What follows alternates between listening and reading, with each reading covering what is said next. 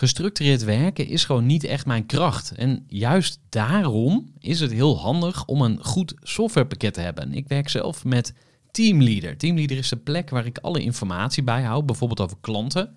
Waarin ik offertes maak en verstuur en die digitaal laat ondertekenen. Waarin ik facturen verstuur, waarin ik lijstjes bijhoud, waarin ik projecten kan managen, waarin ik standaard e-mails kan programmeren. Kortom, ik gebruik Teamleader om alle werkprocessen van mijn bedrijf te stroomlijnen. En zeker ook als je met een team werkt, is het heel fijn om over dezelfde informatie te beschikken. Nou, als je ook benieuwd bent of er mogelijkheden zijn om jouw bedrijf meer te stroomlijnen, of je nu alleen werkt of met een team, ga even naar teamleader.nl slash groeivoer en je kunt dan vandaag nog een trial starten voor twee weken lang, gratis. En je kunt Teamleader volledig uitproberen. En na de proefperiode krijg je ook nog zo'n leuke korting als luisteraar van Groeivoer. Ga naar teamleader.nl slash groeivoer. Gooi voor. Gooi voor. Gooi voor. Zoek je inzicht, inspiratie voor je eigen bedrijf. Wil je elke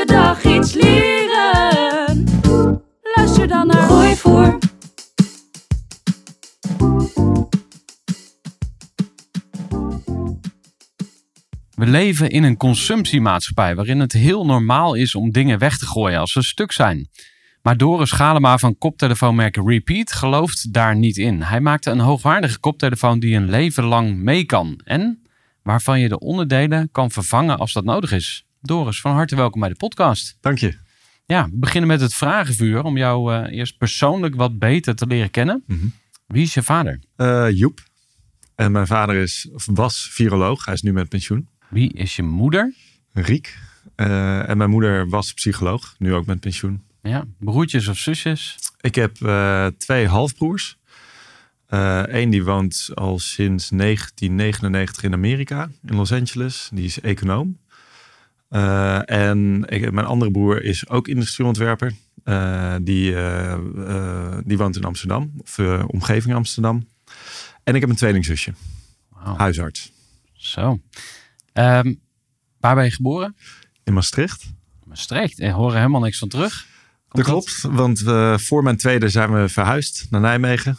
Dus daar ben ik echt opgegroeid. Daar beginnen ook mijn herinneringen. Eh, ben je verliefd, verloofd, getrouwd, gescheiden of happy single? Eh, ik ben al vier jaar lang verloofd. En jullie hebben ook een liefdeskindje, eh, vertelde je net in de lift. Klopt, Joes. Eh, hij is eh, bijna twee. En eh, leuk.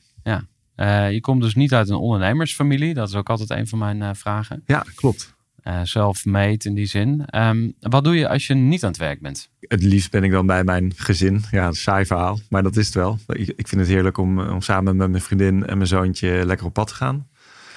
Eh, ik ben echt een muziekliefhebber. Dus dat is ook, eh, dat, dat blijft echt een belangrijke hobby van me. Of muziek maken of naar muziek gaan.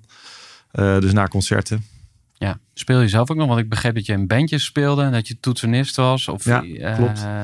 Eh, ik, op dit moment heb ik geen band meer. Eh, maar mijn vaste bassist, die, die was verhuisd. En die was weg uit Rotterdam. En die komt weer terug. Dus dan gaan we zeker weer een band starten, ja. En nu speel ik thuis nog wel...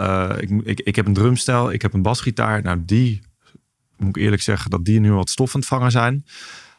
Maar de piano wordt nog steeds wel veel gebruikt. Wat is de mooiste plek waar je ooit geweest bent? Ik denk Noord-Noorwegen. Dus een eh, een vriend van mij die woont in Tromsø. Dat is 400 kilometer boven de Poolcirkel.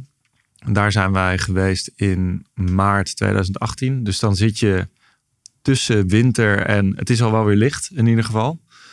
Maar het is nog wel echt winter. Dus met noordenlicht, et cetera. En dat was echt eh, een plaatje. Eh, heb jij een bucketlist? En wat staat daar dan op? Er zijn nog dingen die je heel graag zou willen. Nou, dus daar is een fascinatie voor poolgebieden wel eh, geboren. En sindsdien heb ik... eh, eh, nou, ik krijg mijn vriendin niet meer mee. Maar ik zou dus toch graag nog een keer naar... of Antarctica of, of de Noordpool gaan. Maar goed, Antarctica vind ik tegelijkertijd ook niet heel realistisch. Waarom niet? Het is ontzettend duur. Ik vraag me soms ook af, ja, dan moet je daar als mens eigenlijk wel zitten. Maar er is iets, er is zoiets fascinerends, vind ik, dat daar, dus, dat daar in principe geen mensen zijn. Dat voelde je in Tromsø ook al. Daar keek je, op een gegeven moment waren wij daar niet bij de Noordkaap, maar vlakbij. En dan kijk je richting het noorden. Dan kijk je echt naar het niets. En daar, ook, daar waren we ook al in ons eentje. Er was verder niemand. Er kwam, af en toe kwam ik een keer een sneeuwschuiver tegen. En verder eh, nou, tien auto's op een dag. Krijg je dan ook spirituele ervaring of zo? Wat, eh, ben je, geloof je ergens in? Geloof je in een god of in iets anders? Eh, nee, dat, dat, dat niet. Ik, nou, trouwens, ik zit er een beetje tussenin, denk ik. Ik vind het soms ook een moeilijke gedachte. Of een, ik vind het moeilijk voor te stellen dat alles maar toeval is. Dat, dat merk ik wel. Maar ik geloof dan ook weer niet in een schepper. Ik zit er ergens, eh, ergens in het midden. Nou, jij bent in ieder geval de schepper of de creator van een heel mooi bedrijf. Nou, het begint met jou. Eh, je studeerde industrieel eh, ontwerpen in Delft. Je bent je hele leven al bezeten van muziek. Je hebt ook in bandjes gespeeld. Je richtte Repeat op tijdens je studie samen met vier studiegenoten. En destijds was dat nog onder jullie oude naam, Gerard Street. Net ook al even over gehad, over jullie rebranding. Eh, je hebt dus het bedrijf een nieuwe naam gegeven, Repeat. En uiteindelijk ging je met je compagnon Tom Leenders door. En samen maakten jullie van Repeat een echt bedrijf. Nou, met alle eh, facetten die eh, daarbij komen kijken. En ehm, ja, ik wil eigenlijk aan jou vragen van waar sta je nu op dit moment? Wil je schetsen ehm, ja, waar jullie als bedrijf staan? Eh, ja, ik, ik heb het trouwens gewoon met Tom opgericht hoor. Dus niet Aha. met, met z'n vieren. Oké, Eh, we- die waren wel betrokken ooit of zo? Of dat is... eh, Nee, we zijn eigenlijk altijd met z'n tweeën geweest. Dus alleen één, tussentijds is er een derde co-founder geweest. Eh, dus die is later erbij gekomen en ook weer weggegaan. En Ja. verder zijn we altijd met z'n tweeën geweest. ja, oké. Ehm, en waar we nu staan is, wij, ehm, wij hebben producten af, in principe. De koptelefoons dan. Dus we hebben eh, nu drie koptelefoons op de markt. Waarvan ons, ons flagship ligt hier. Dat is de Prince. Die heeft noise cancelling, et cetera. Eh, en de kwaliteit is echt super. Dus dat deel is klaar. We zijn nu bezig met oortjes. Dat is de volgende stap. Aha, Eh, en we zijn vooral bezig om het, om het merk nu uit te bouwen. Dus, dus we sleutelen niet meer veel aan het product, eigenlijk niks. Maar het belangrijkste voor ons is nu naamsbekendheid opbouwen. Eh, en zorgen dat wij eh, bij, ook in, op meerdere kanalen eh, verkocht kunnen worden. En je ziet ook deze dingen hangen veel samen. Dus op het moment dat jij onbekend bent, staan retailers ook niet altijd op je te wachten. Dus je moet, je moet die dingen simultaan doen. dus eigenlijk het product is af, zeg je. Jullie Ja. zijn nu vooral het merk aan het bouwen. Ja. Ehm, kun je schetsen hoe het concurrentieveld eruit ziet? Want eh, er zijn meer niche eh, aanbieders misschien. Er zijn ook de grote merken. Maar in- Hoe ziet jullie speelveld eruit? Eh, ja, goede vraag. Er zijn natuurlijk de grote merken. Wij komen het meeste Sony tegen als concurrent. Dus als wij vragen aan mensen tussen, tussen welke koptelefoons twijfel is dat bijna altijd de topmer, eh, toplijn van Sony of ons. Bose wordt ook nog wel eens genoemd. Soms Sennheiser. Dat zijn wel de, de, de grote. Ehm, dan hebben we het natuurlijk niet over oortjes. Want daar is Apple, staat, staat natuurlijk bovenaan. En als je dan kijkt naar de niche-merken, ja, dan uh, dat speelveld is oneindig. Dus soms als ik kom bij een, bij een audio-speciaalzaak die onze koptelefoon verkoopt, dan kijk ik wat die in het schap hebben. Nou, ik ken dus, ik zit best wel in de wereld, hè. Ik ken ook uh, soms 80% van wat daar ligt niet. Uh, dus dat, dat, dat houdt niet op, zo'n beetje. En ook als je kijkt hoeveel merken erbij komen elk jaar, dan dat zijn altijd wel weer een paar. En het grootste deel blijft niet plakken, maar sommige die, die groeien wel uit. Ja, en hebben die uh, kleinere spelers hebben die allemaal een soort van droom of een plan van ik wil ook in die top 5 of in die top 3 uh, komen? Uh, of ja, wat, wat, wat is dan de ambitie van zo'n merk? Ik zie er weinig met een verhaal als dat van ons, in ieder Aha. geval. Dus met een, een, een visie op de wereld of echt iets wat ze willen veranderen. De meeste die ik heb gezien, die waren of bezig met design. Ze wilden hun koptelefoon mooier maken, want ze vonden dat veel koptelefoons lelijk zijn. Terecht punt. Of ze wilden het, een bepaald geluid toch brengen. Uh, dat zijn volgens mij de belangrijkste nieuwkomers. Ja. Um, en dus tegelijkertijd, toen, toen wij op de markt kwamen, toen was Ai bestond al. Een Deens merk. En zij, waren toen, zij kwamen tegelijkertijd met ons met een modulaire koptelefoon. Dat was eigenlijk de eerste die, die ook iets nieuws bracht. Die wij toen zagen in het speelveld. En die, die toevallig met hetzelfde bezig was. was heel, heel leuk om te zien. Want zij hadden hele andere oplossingen. Hele andere insteek ook. Zij, zij deden het moduleren vanwege customizability. Niet zozeer repairability. Dat was niet hun, uh, hun USP. Uh, dus ik vind dat nog steeds een heel interessant merk om te volgen. Omdat zij, we, we gaan best gelijk op qua ontwikkelingen, qua dingen die we doen. Op, wij waren iets eerder met draadloos. Zij kwamen uiteindelijk ook weer met draadloos. Maar we kennen elkaar niet. En, Nog ehm, steeds niet? Of? Nee, ik heb nooit contact met ze gehad. Ik weet ook niet of zij überhaupt weten van ons bestaan. Eh, Vast wel. Ehm, maar de, dus de, eh, het interessante is dat de insteek is heel anders. De doelgroep is anders. Ik, ik vind het interessant dat zij andere oplossingen hebben. Zij, ik zie bij hun oplossingen die wij ehm, bijvoorbeeld ook hadden overwogen, maar die bij ons van tafel zijn gegaan omdat wij technisch eh, eh, eh, niet, omdat dat niet lukte. En dat is bij hun dan weer wel gelukt. Ja. Of misschien ook deels niet gelukt. Dus dat is leuk om te volgen. Ja. Ja. Je zei van wij- zitten er niet in vanwege design of audiokwaliteit. Of, die zijn ook heel belangrijk, Mhm. maar je hebt een andere drijfveer. Wil je daar eens wat over vertellen? Wij zijn gestart vanuit de missie om e-waste tegen te gaan. Dus eigenlijk tijdens mijn afstuderen ontdekte ik hoeveel, eh, hoeveel elektronica wordt weggegooid. En het, het was ook deels mijn eigen frustratie. Ik, ik ervaarde het heel sterk rondom koptelefoons. Ik, ik gooide er twee tot drie per jaar weg soms. Eh, en dat kwam omdat daar een heel lang snoer aan zat. Die dingen die waren niet te repareren. Dus als je kabelbreuk had, dan... Ik, probeer, ik, ik heb het echt gedaan. Ik, ik haalde ze open. Maar dat kon niet. Alles zat dichtgelijmd. En als je het probeerde, dan brak er iets af. Of dan kreeg je het niet meer in elkaar. Dus je moest continu een nieuwe kopen. En ik vond het ook zonde om, om hem weg te gooien, die oude. Dus ik bewaarde ze in een kast. Dus het wordt je eigenlijk heel moeilijk gemaakt ook om het zelf te repareren, want het zit dichtgelijmd. In veel producten wel. Ja, ja. Dus, ja, Ja, en het interessante toen tijdens mijn afstuderen, er waren twee dingen. Aan de ene kant, ik dacht altijd dat als je dat uiteindelijk inleverde, dat het wel gerecycled werd of dat het nog op een goede plek terecht kwam. Mhm. Maar we kwamen erachter dat het grootste deel wordt verscheept naar eh, plekken in Azië of in Afrika. En het wordt daar vaak verbrand of, of gewoon gestort. Ehm, en wat je nu zag was dat die materialen die werden steeds schaarser. Dus er was eigenlijk wel een groter potentieel om materiaal terug te gaan winnen. Maar tegelijkertijd zagen wij als productontwerpers dat de meeste producten de andere kant op gingen. Alles werd nog platter, nog meer dichtgelijmd en het werd nog moeilijker gemaakt om erbij te komen. Eh, dus als voorbeeld bij een oude MacBook, daar kon ik nog wel onderdelen vervangen als er iets stuk was. En ik kon hem ook upgraden en op die manier kon ik er heel lang mee doen. Maar in die nieuwere lijnen was dat allemaal onmogelijk gemaakt. En als er dan één onderdeel kapot was, dan kreeg je te horen dat er een heel nieuw moederbord in moest. En dat was eigenlijk net zo duur als een nieuwe kopen. Eh, dus dan, eh, ja, dan, dan ging die oude, die werd dan maar weggegooid. We hadden het al even over die, eh, die andere merken die ook allemaal het proberen. Misschien dat er elk jaar wel een of meerdere koptelefoonmerken op, opstaan of een poging doen. Op zich juich jij dat toe, hè? dus ook ga, ga aan de slag met je, met je idealen. Ga iets doen in plaats van alleen maar daarover te praten. Mhm. Ehm, ik ben wel benieuwd hoe het jullie gelukt is om te overleven. Eh, er zijn twee hele belangrijke dingen. Ik denk het eerste is dat wij al. We, we zijn gewoon mensen gaan interviewen. Dus we zijn langs geweest bij eh, Bas van Abel van Fairphone. Bij Mudjeans zijn we langs geweest. Om gewoon eens te horen hoe werkt dat om een duurzaam product op de markt te brengen.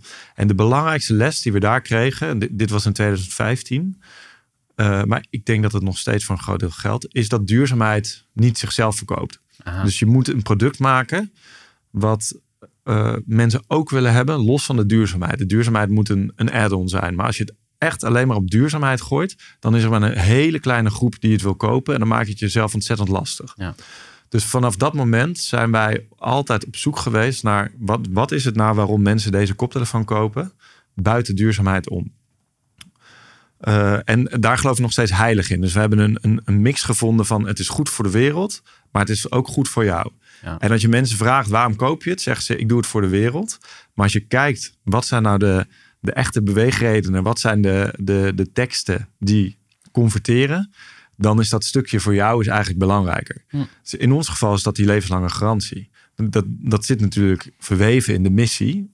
Als er iets stuk gaat, dan krijg jij een nieuw onderdeel. Wij halen ook die oude onderdelen weer terug. Dus die hoef je niet weg te gooien. En wij, wij kunnen die hergebruiken. Zit er retour envelop bij eh, Exact. Ja. Ja, maar de, het grote voordeel voor jou is dat, je, dat we een hele sterke customer service hebben. Als er iets kapot is, dan ga je naar de site. Jij zegt dit is kapot. En de volgende dag heb je dat nieuwe onderdeel alweer. Aha. En stiekem is dat laatste, dat is eigenlijk het belangrijkste. Dat is waarom mensen bij ons terugkomen. Eh, en waarom, waarom mensen zo enthousiast zijn over het merk. Een bedrijf ergens brengen is dus ehm, daarbij is eh, genoeg omzet belangrijk, genoeg eh, aantallen, volume. Wat heb je nodig om winstgevend te worden, zeg maar? Of zijn, zijn jullie al winstgevend? Hoe eh, moet ik dat zien? Ja, ik vind dat altijd een, een, een interessant, omdat dat heeft te maken met hoe hard je groeit. Dus vorig jaar hebben wij winst gedraaid, omdat we die naamsverandering hadden. Toen hebben we vier maanden van tevoren hebben we gezegd, we, we gaan alle marketing nu flink omlaag zetten. Want het is Ja. zonde om nog heel veel te investeren in een merknaam die dadelijk niet meer bestaat. Eh, en doordat we dus gas terug hebben genomen, maar nog wel teerden op, op, op eerder wat we in de markt hadden gezaaid, eh, hebben we dat jaar best lekker winst gedraaid. Dus in die zin, ja, we waren winstgevend. Jaar daarvoor hebben we overigens ook al een beetje winst gedraaid. Maar dat is tegelijkertijd ons probleem. Eigenlijk hebben wij, we zijn nu bezig met een investeringsronde, want we moeten veel harder pompen in dat merk. En we moeten juist verlies gaan draaien de komende maanden, of de komende jaren zelfs, Aha. om uiteindelijk weer winstgevend te worden op een grotere schaal. Wauw, dat lijkt me ontzettend spannend.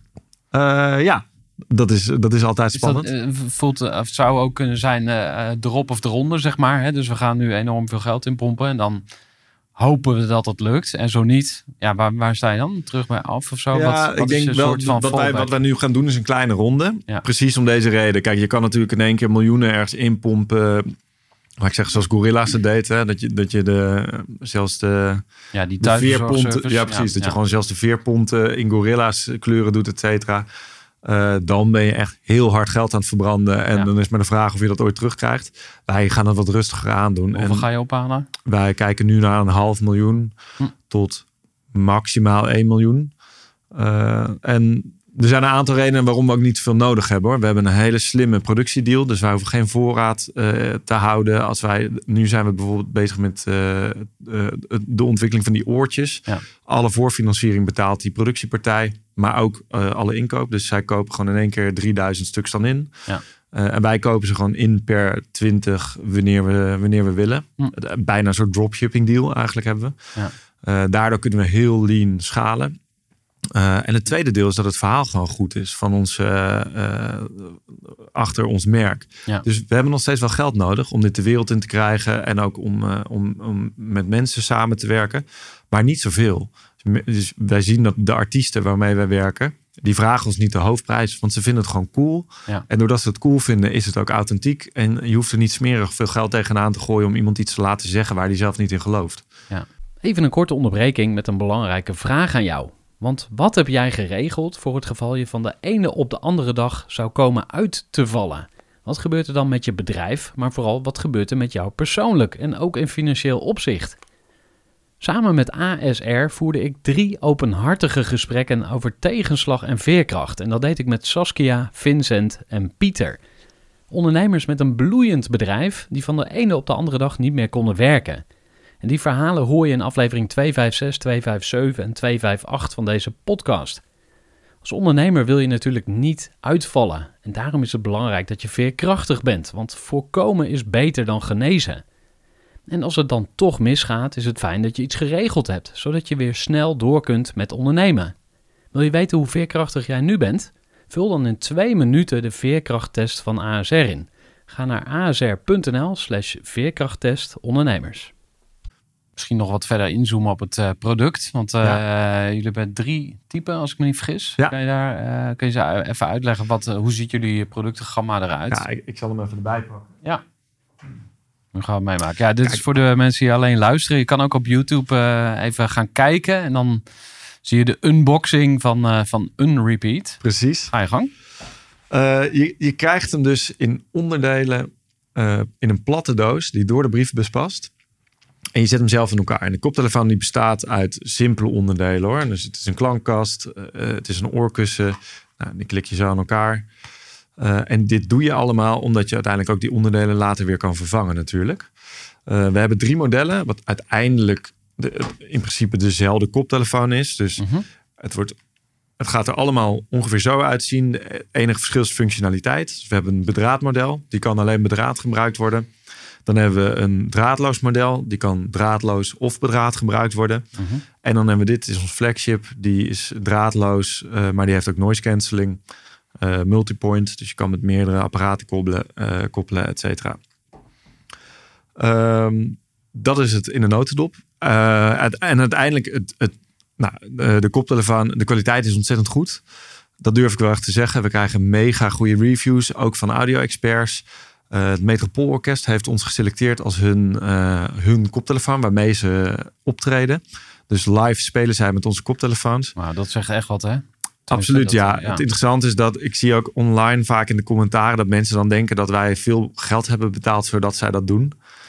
Nee, want dat geld hebben we niet. nee, nee, hebben wel voor die uh, koptelefoons betaald? Of, uh... Ja, die hebben ze gewoon ingekocht. Uh, ja. Natuurlijk hebben wij daar wel een flinke korting op gegeven. Mhm. omdat, wij, omdat het voor ons heel gaaf is dat ze ermee ja. spelen. En ook, ook gewoon een stukje... als muziekliefhebber is het gewoon ontzettend gaaf. Dus wij wilden ook... wij, wij gunden hun dat ook. Ja. maar voor hun was geluidskwaliteit was het allerbelangrijkste. En daarop zijn ze ook gescreend. En, en daarop zijn we ook doorgekomen. Um, dus uh, geluidskwaliteit is een heel belangrijk ding. Daarop scoren we ook heel goed. Maar uiteindelijk is inderdaad het meest unieke dat als er iets stuk gaat, dat je uh, gewoon heel simpel een onderdeel kan vervangen. Ja. Uh, en dat je dat weer opgestuurd krijgt. Ja, nice. Nou, dat zou, als, ja. Het ziet eruit alsof ik het zelf nog zou kunnen.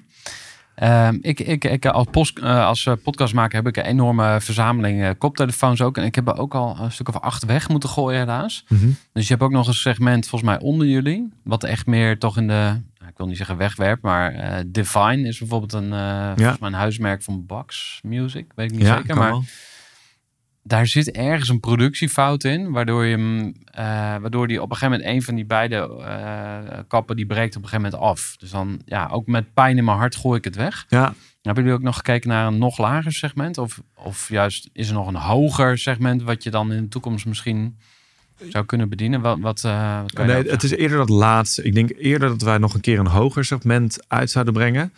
Um, en lager segment Misschien moet je dat niet willen. Of tenminste, wegwerp past natuurlijk sowieso niet. Maar... Ik vind het wat ingewikkeld voor je merk. Uh, het zou nooit een wegwerpkoptelefoon worden. Nee. Ik kan me wel voorstellen dat we, dat we ooit nog wat zakken. Of dat als er een upgrade uitkomt van, van deze. Ja. Dat deze in prijs omlaag zou gaan. Op een gegeven moment moet je natuurlijk met de markt meebewegen. Hij kan nu nog prima mee qua specs. Um, maar we, kijk, een van de dingen is bijvoorbeeld wij werken met een stalen hoofdband. Nou, waarom? Ja, simpel. Dat ding kan niet kapot. Want alles wat stuk gaat, moet, daar moeten wij voor betalen. Ja. Uh, en er zit nog een mooi voordeel aan. Dat de klemkracht blijft altijd hetzelfde. Want dit was een van de frustraties die ik altijd had met die kunststof uh, hoofdbanden. Die, op een gegeven moment is die klemkracht weg. En dan zit die koptelefoon los op je hoofd. En dan Ja. valt hij van je hoofd af. Uh, je, je, hij sluit ook niet meer goed af.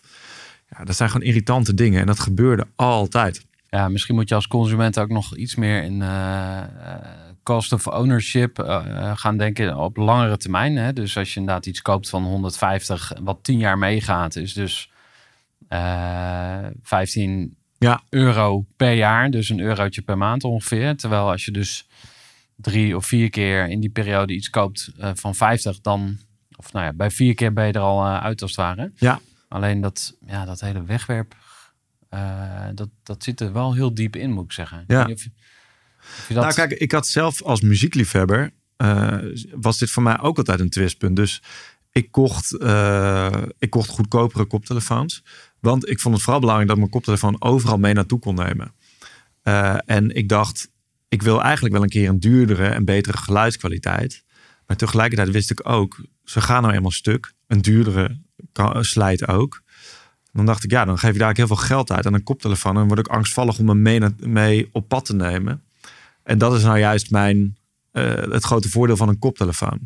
Uh, dus, dus dat was voor mij echt ook een gemis in de markt. En wat wij zagen bij mensen die wij interviewden toen, was dat de meeste mensen daarom ook twee, of ze hadden twee koptelefoons. Ze hadden een goedkope voor on the go en ze hadden een ja. betere, die ze inderdaad uh, voorzichtig in een hoesje thuis hielden en maar, maar zelden meenamen. Alleen in de leunstoel ja. thuis. Uh, ja, en de meeste ja. hadden zelfs oortjes voor on the go daarom. Dus die hadden een, een goede koptelefoon voor, nou, misschien als ze ergens een keer uh, gingen zitten. Maar die namen ze dus niet overal mee naartoe. En dan hadden ze hun oortjes voor, voor, voor everyday. Mm. Over de, de producten. Welk probleem los je op ja. met je product? Het zijn verschillende. Je hebt aan de ene kant de diehard muziekliefhebber. Die, en dat zijn ook vaak muzikanten. Die veel koptelefoons slijten. Uh, en die daar echt klaar mee zijn. En eh, wij hebben klanten die gewoon elk jaar een koptelefoon kopen van 300 euro. En hem eh, zoveel gebruiken dat, die, dat er altijd wel iets stuk gaat wat niet onder de garantie valt. En dan moeten ze weer een nieuwe kopen.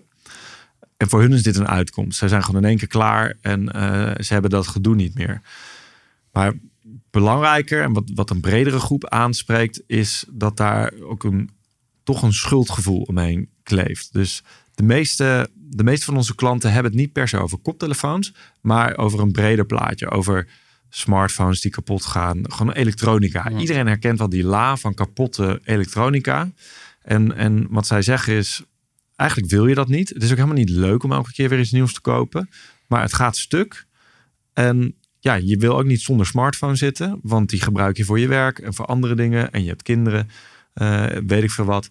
Dus, dus je koopt toch maar een nieuwe. En in plaats van dat het gaaf is om iets nieuws te gaan kopen... is het weer een moedje. Want oh, dat ding is weer stuk. Hij is weer niet te repareren. Of de reparatie is weer zo duur dat, dat het niet meer loont. Eh, en, en dat gevoel, dat halen wij weg. Wij laten zien, zie je, het kan ook op een andere manier. Ik zou zeggen dat het in die zin een feel-good product is uiteindelijk. Wat breder is dan alleen koptelefoons weggooien. Ik heb begrepen dat jullie eh, koptelefoon ook op de werkvloer gedragen wordt. Klopt dat? Absoluut, ja. En dat, dat is dus grappig. Wij verkochten altijd aan muziekliefhebbers. Ja. Aan klanten. eh, dus consumenten.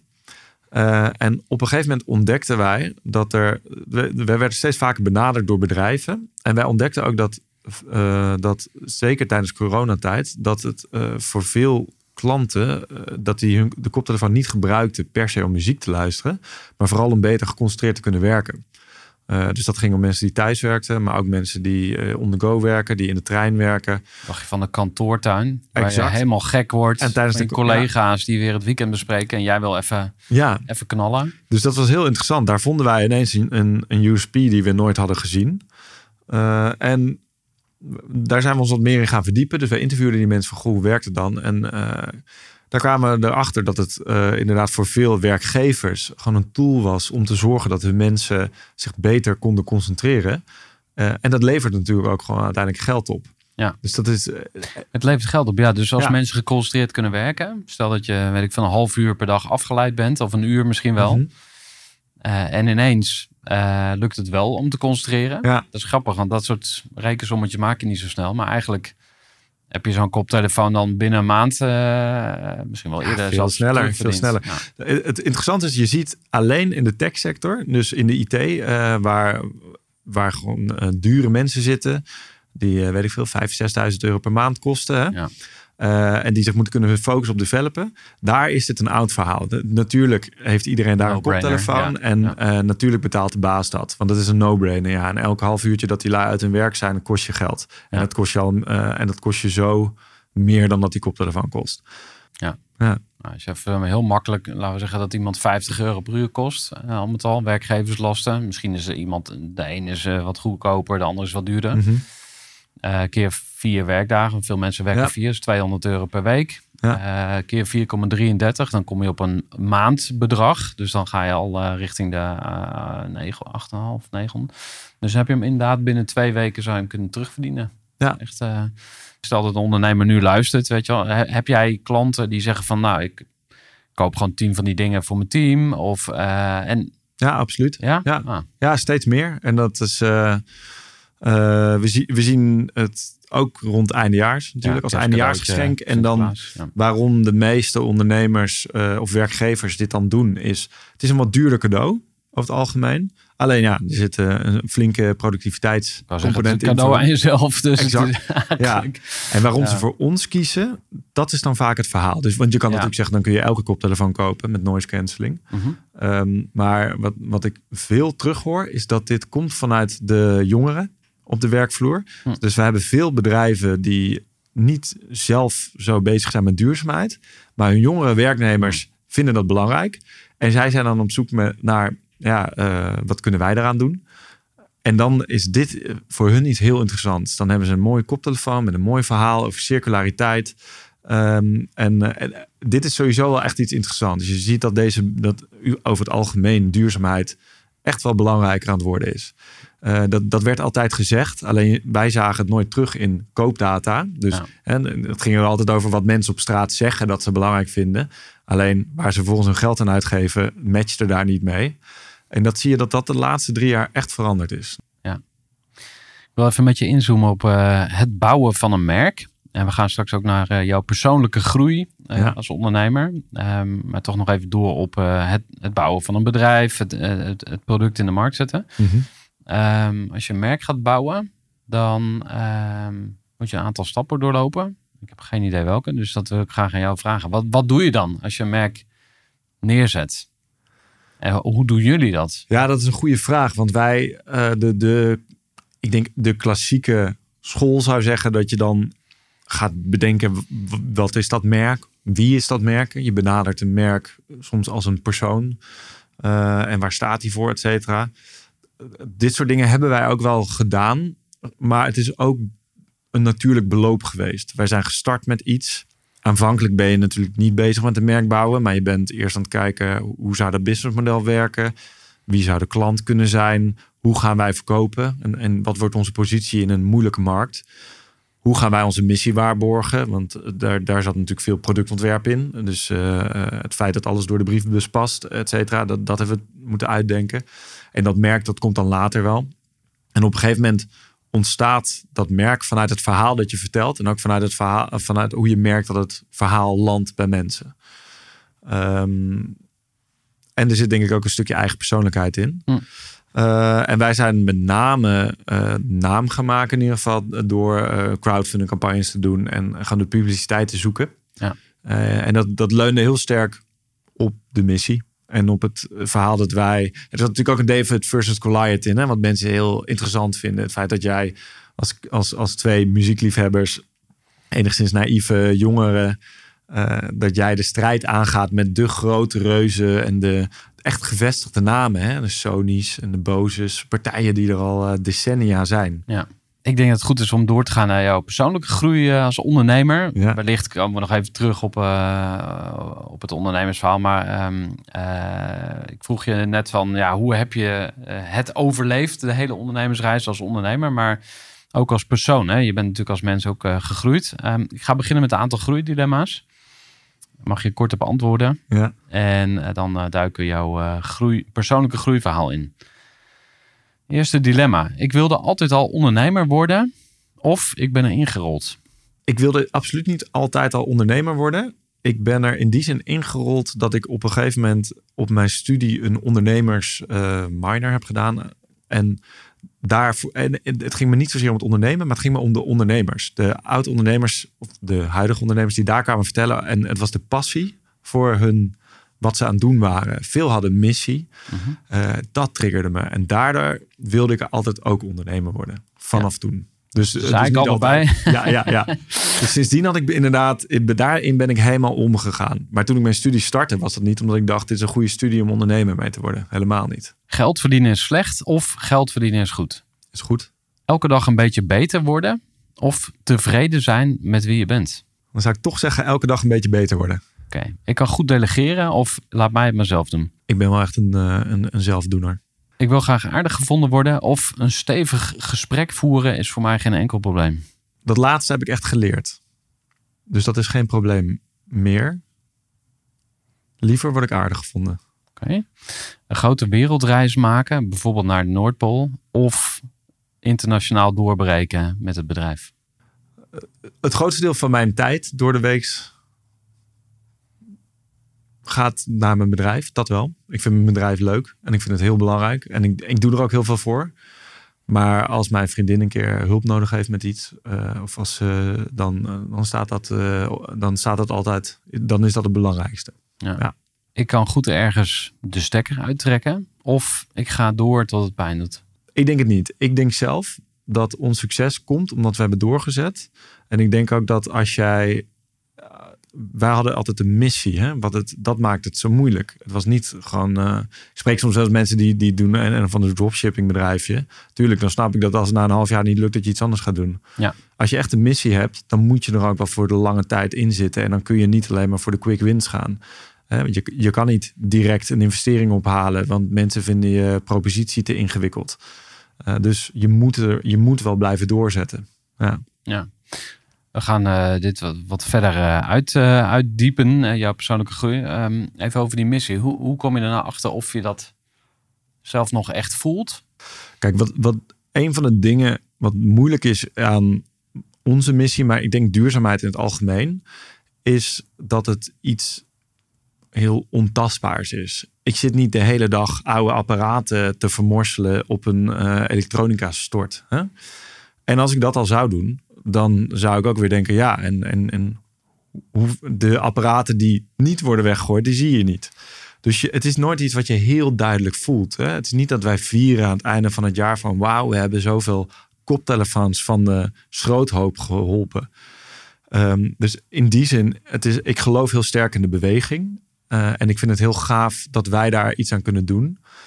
Maar je hebt af en toe echt wel wat setjes in de rug nodig om, om weer eens te denken: oh ja, wacht, het is wel echt relevant wat we doen. Want in de dagelijkse bezigheden voelt het al heel snel nietig wat je doet. En denk je: goh, ja, we zitten er nu al best wel een paar jaar in. Ja, hoeveel dragen wij nou bij? Hè? En ik spiegel dat aan mijn beste vriend, die, uh, die heeft een kledingfabriek opgezet in Kenia.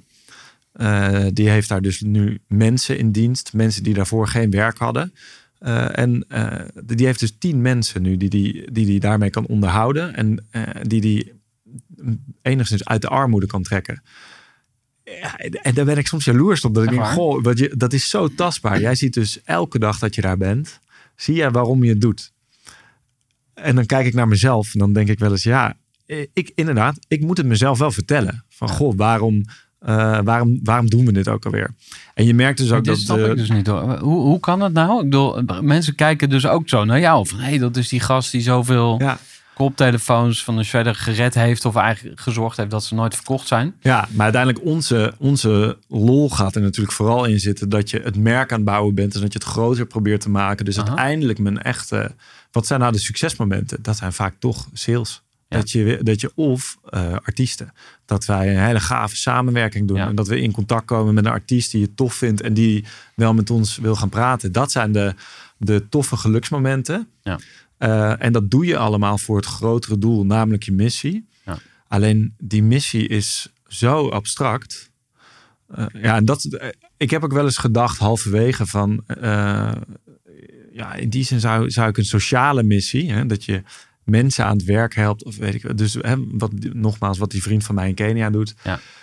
Um, ik kan me wel voorstellen dat dat, dat dat makkelijker is. Om continu te weten, goh, waarom doen we dit ook weer? Ja. ja. Ik viel me trouwens op dat je heel snel zei, uh, toen ik vroeg geld verdienen slecht of geld verdienen is goed, was je meteen goed. Dat vond ik wel mooi. Sommige mensen worstelen daar wel meer mee. Uh, waarom?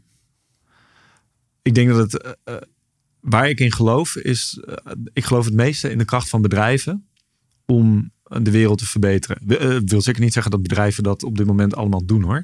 Dat is niet mijn punt. Maar ik denk uiteindelijk als jij een businessmodel vindt, iets waarvoor mensen willen betalen en iets dat dus schaalbaar is, dat dat de beste manier is om impact te maken. En, uh, en daarom denk ik dat het altijd belangrijk is om geld te verdienen, om dat in je in oogschouw te hebben. Ja, en je persoonlijke financiën, speelt die een rol? Nee, dus in die zin, mijn, mijn persoonlijke doel is niet om rijk te worden. Ah, dan heb ik ook uh, de verkeerde beslissing genomen. Uh, en, en, kan uh, nog? ja, het zou kunnen. Ja, maar dat is niet...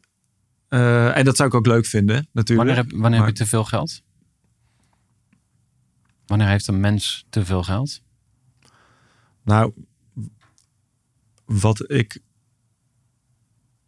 uh, ik vind het moeilijk om daar een cijfer te plakken, maar wat ik in algemene zin soms zie in mijn bubbel, is dat er veel mensen zijn die zich niet meer beseffen dat het niet normaal is om een ton te verdienen. Uh, en ik vind dat je dan wel te veel geld hebt. Als je, als je gewoon echt geen benul hebt van hoe hard een heel groot deel, ook in Nederland, hè, een rijk mhm. land, ook in Nederland, hoe hard sommige mensen werken. Gewoon voor 1600 euro netto aan het einde van de maand. Ik merk dat een groot deel in mijn hoogopgeleide bubbel hmm. dat niet weet. En ook, eh, dus mensen gaan ervan uit dat ik ook wel 60.000, 70.000 zou verdienen. No way. Ik wil even terug naar jou, jouw groei als ondernemer. Um, wat is jouw donkerste periode geweest in ondernemersbestaan? De tweede keer dat wij een crowdfunding deden, dat was echt bikkelen. Dat kan ik me nog wel goed herinneren. Dat we. En niet zozeer bikkelen als in dat het eh, keihard werken was qua uren. Dat was het ook. Maar het was vooral zo hard trekken aan iets wat maar niet, wat maar niet van de grond kwam. En zo vaak nee horen. Uh, we, we, belden, we hadden gewoon een lijst verdeeld van 160 uh, journalisten. Dus ieder belde er 80, Tom en ik. En dan, dan kreeg je gewoon ja, dagenlang achter elkaar alleen maar nee, nee, nee.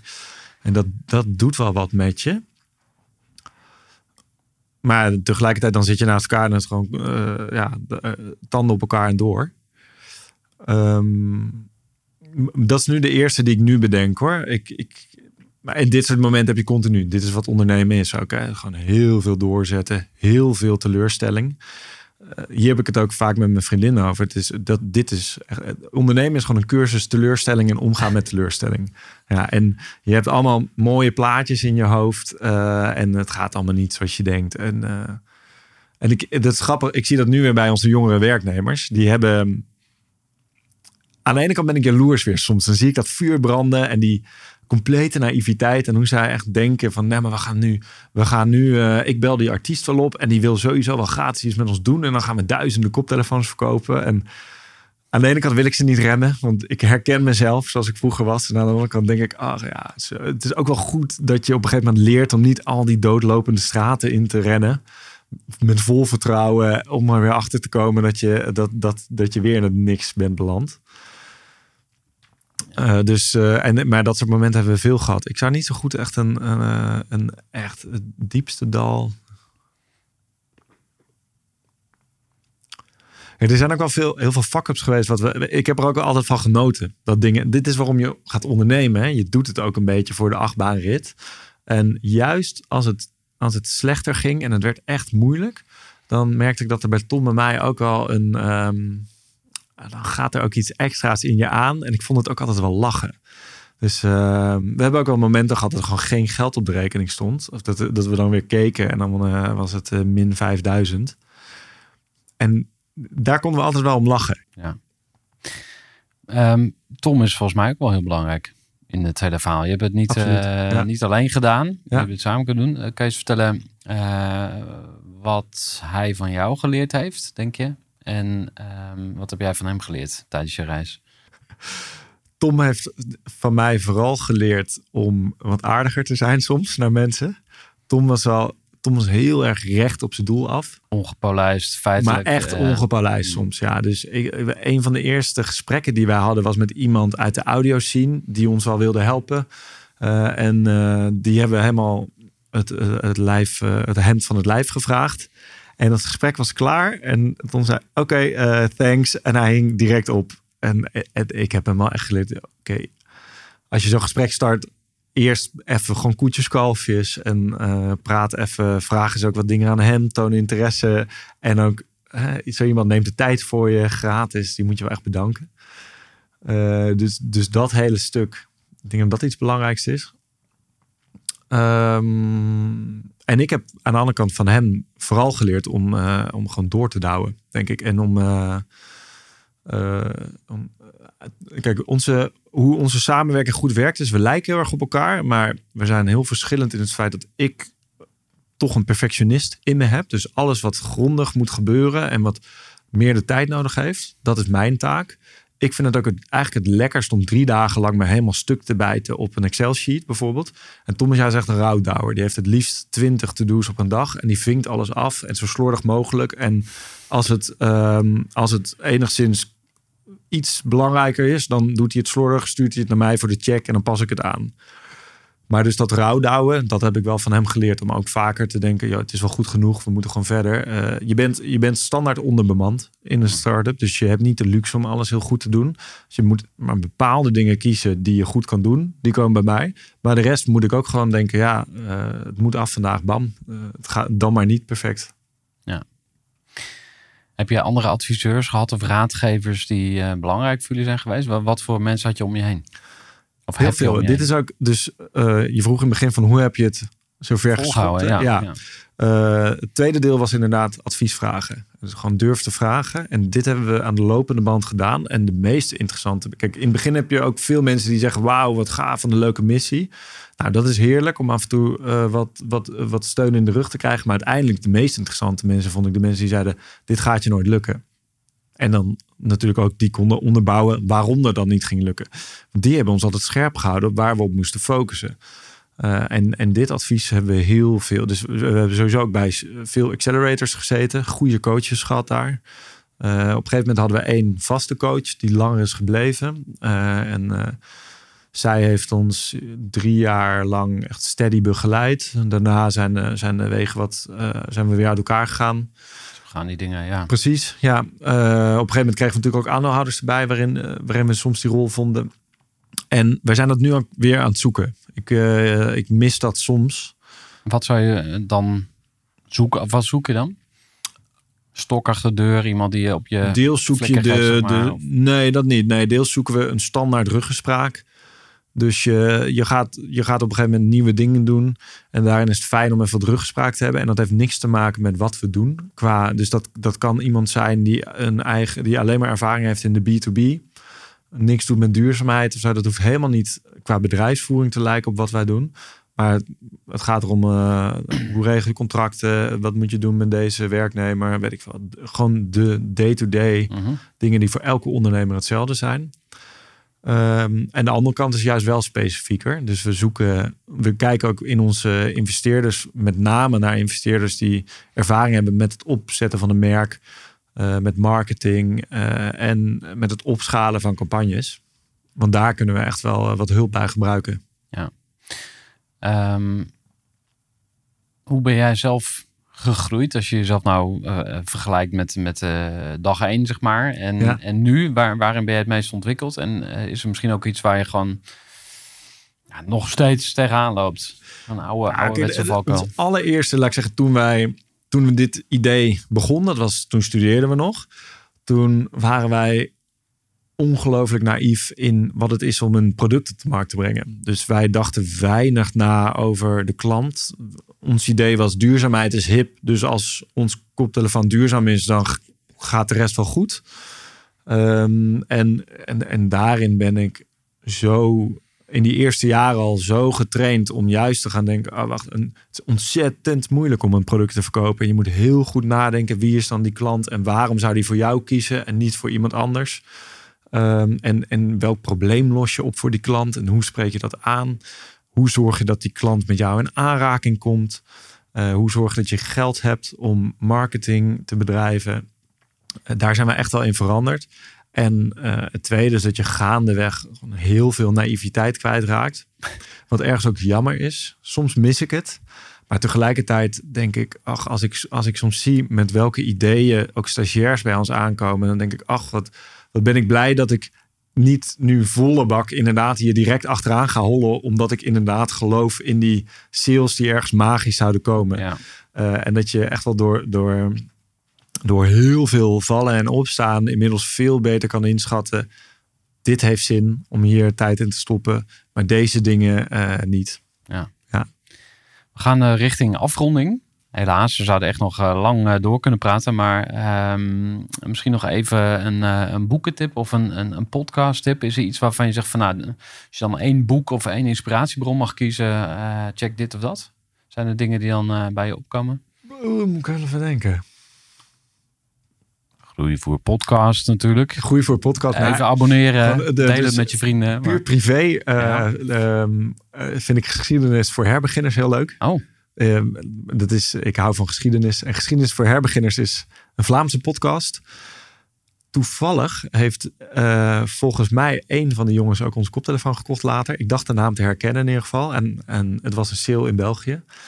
Maar los daarvan, ik luisterde het altijd al. Het is een uh, middelbare schooldocent die tijdens coronatijd podcasts is gaan opnemen. En ik vind dat hij onwijs leuk kan vertellen.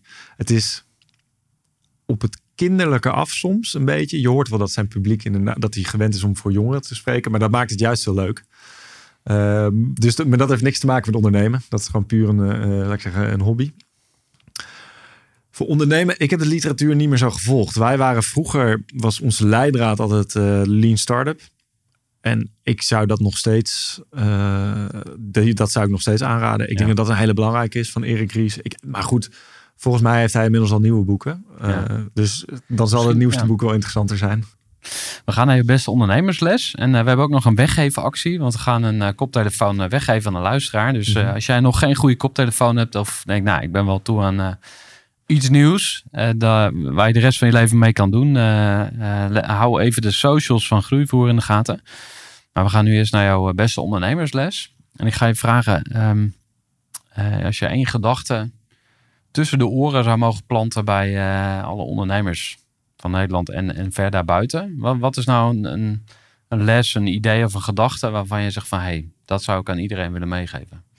Ik denk dat het belangrijkste is voor startende ondernemers en wellicht ook wel ondernemers die verder zijn, is dat je nooit te verliefd moet worden op je eigen product en moet denken dat, dat je er wel komt. Dus ik denk als jij alleen maar gelooft in jouw succesverhaal en dat je over, uh, over vijf jaar keer honderd bent, en je bent blind voor alle valkuilen en alle redenen waarom het misschien niet zou lukken, of alle redenen waarom mensen jouw product niet willen kopen, dan, dan, dan faal je. En ik heb dat ook te veel gezien. Ondernemers die te heilig geloofden in hun eigen product, die zijn er allemaal niet. Je moet denk ik juist altijd openstaan voor kritiek interessant vinden als, als mensen, ook als het mensen niet lukt om je product te begrijpen. Hè? Er kan iets misgaan, maar het is altijd jouw schuld. Jij moet altijd zorgen dat dat niet gebeurt en altijd scherp blijven.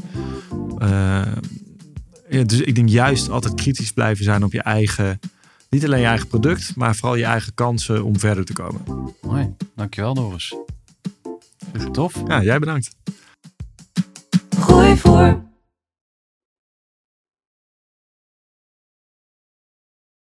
Gestructureerd werken is gewoon niet echt mijn kracht. En juist daarom is het heel handig om een goed softwarepakket te hebben. Ik werk zelf met Teamleader. Teamleader is de plek waar ik alle informatie bijhoud, bijvoorbeeld over klanten. Waarin ik offertes maak en verstuur en die digitaal laat ondertekenen. Waarin ik facturen verstuur, waarin ik lijstjes bijhoud, waarin ik projecten kan managen, waarin ik standaard e-mails kan programmeren. Kortom, ik gebruik Teamleader om alle werkprocessen van mijn bedrijf te stroomlijnen. En zeker ook als je met een team werkt, is het heel fijn om over dezelfde informatie te beschikken. Nou, als je ook benieuwd bent of er mogelijkheden zijn om jouw bedrijf meer te stroomlijnen, of je nu alleen werkt of met een team, ga even naar teamleader.nl slash groeivoer en je kunt dan vandaag nog een trial starten voor twee weken lang, gratis. En je kunt Teamleader volledig uitproberen. En na de proefperiode krijg je ook nog een leuke korting als luisteraar van Groeivoer. Ga naar teamleader.nl slash groeivoer.